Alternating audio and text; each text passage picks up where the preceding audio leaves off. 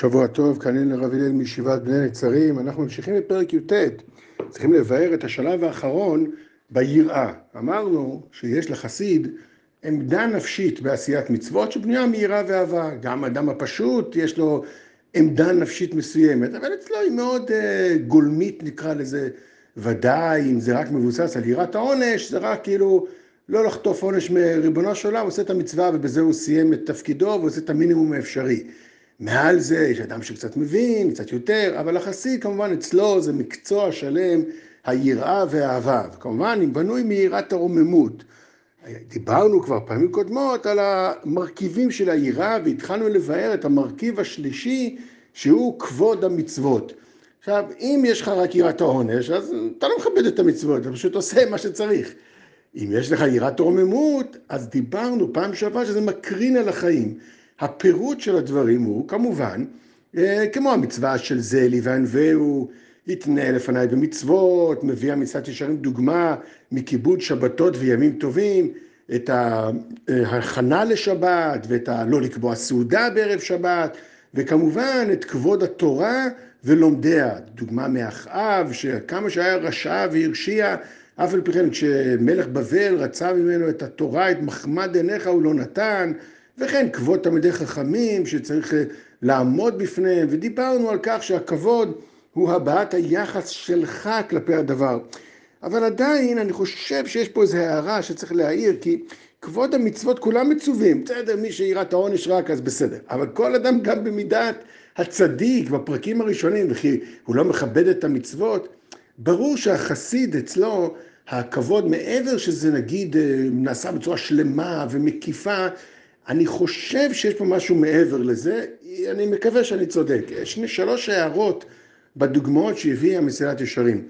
דוגמה שהוא אומר שהיא אב, הוא קורא לזה אב לכל הסוגי הכבוד, זה כמובן מצוות הביקורים.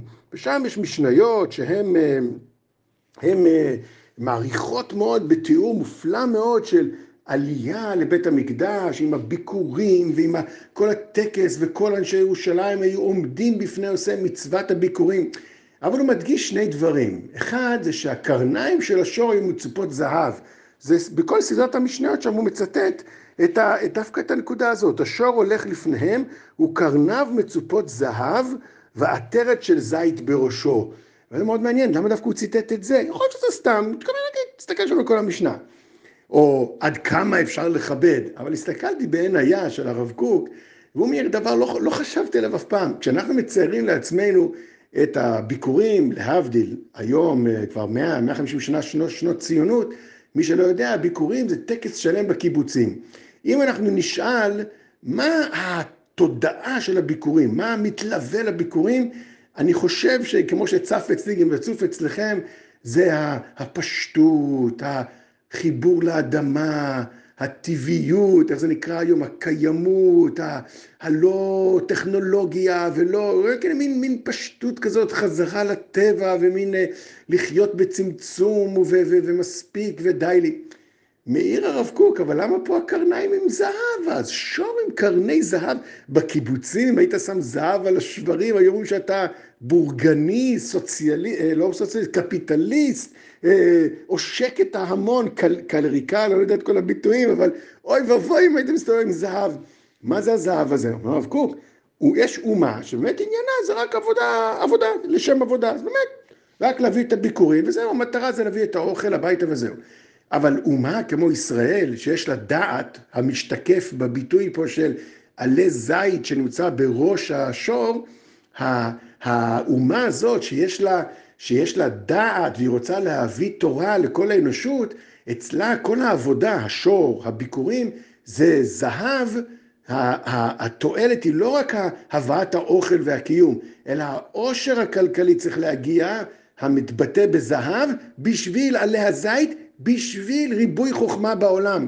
נמצא אולי, אני אומר עם הרבה ספקות, אם זה כוונת המסעד שערים, נמצא שעבודת החסיד, כשהוא עובד על הכבוד למצווה, זה לא רק מצד של לכבד, שזה חשוב מאוד, וזה, וזה מאוד חשוב בחיים שלי, אלא המצווה מקרינה על חייו. כמו שאמרתי פעם שעברה, הכבוד זה איך אני מתייחס לדבר, זה לא רק יחס נפשי שאני מכבד לפי זה, אלא זה מקרין על החיים שלי. איך זה מקרין? לאיפה זה מתחבר? לאן אני לוקח את המצווה הזאת? כביכול הייתי אומר בזהירות גדולה, המצווה מצד עצמה זה להביא ביקורים.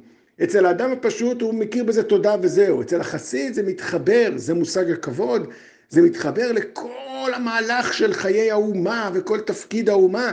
אז כל העמדה ביחס למצווה והחיים המוקרנים מהמצווה הם במדרגות אחרות לגמרי מאשר אצלנו. יש עוד שתי הערות, לא נספיק הפעם, נגיד אותן בעזרת השם פעם הבאה. כל טוב ושבוע טוב.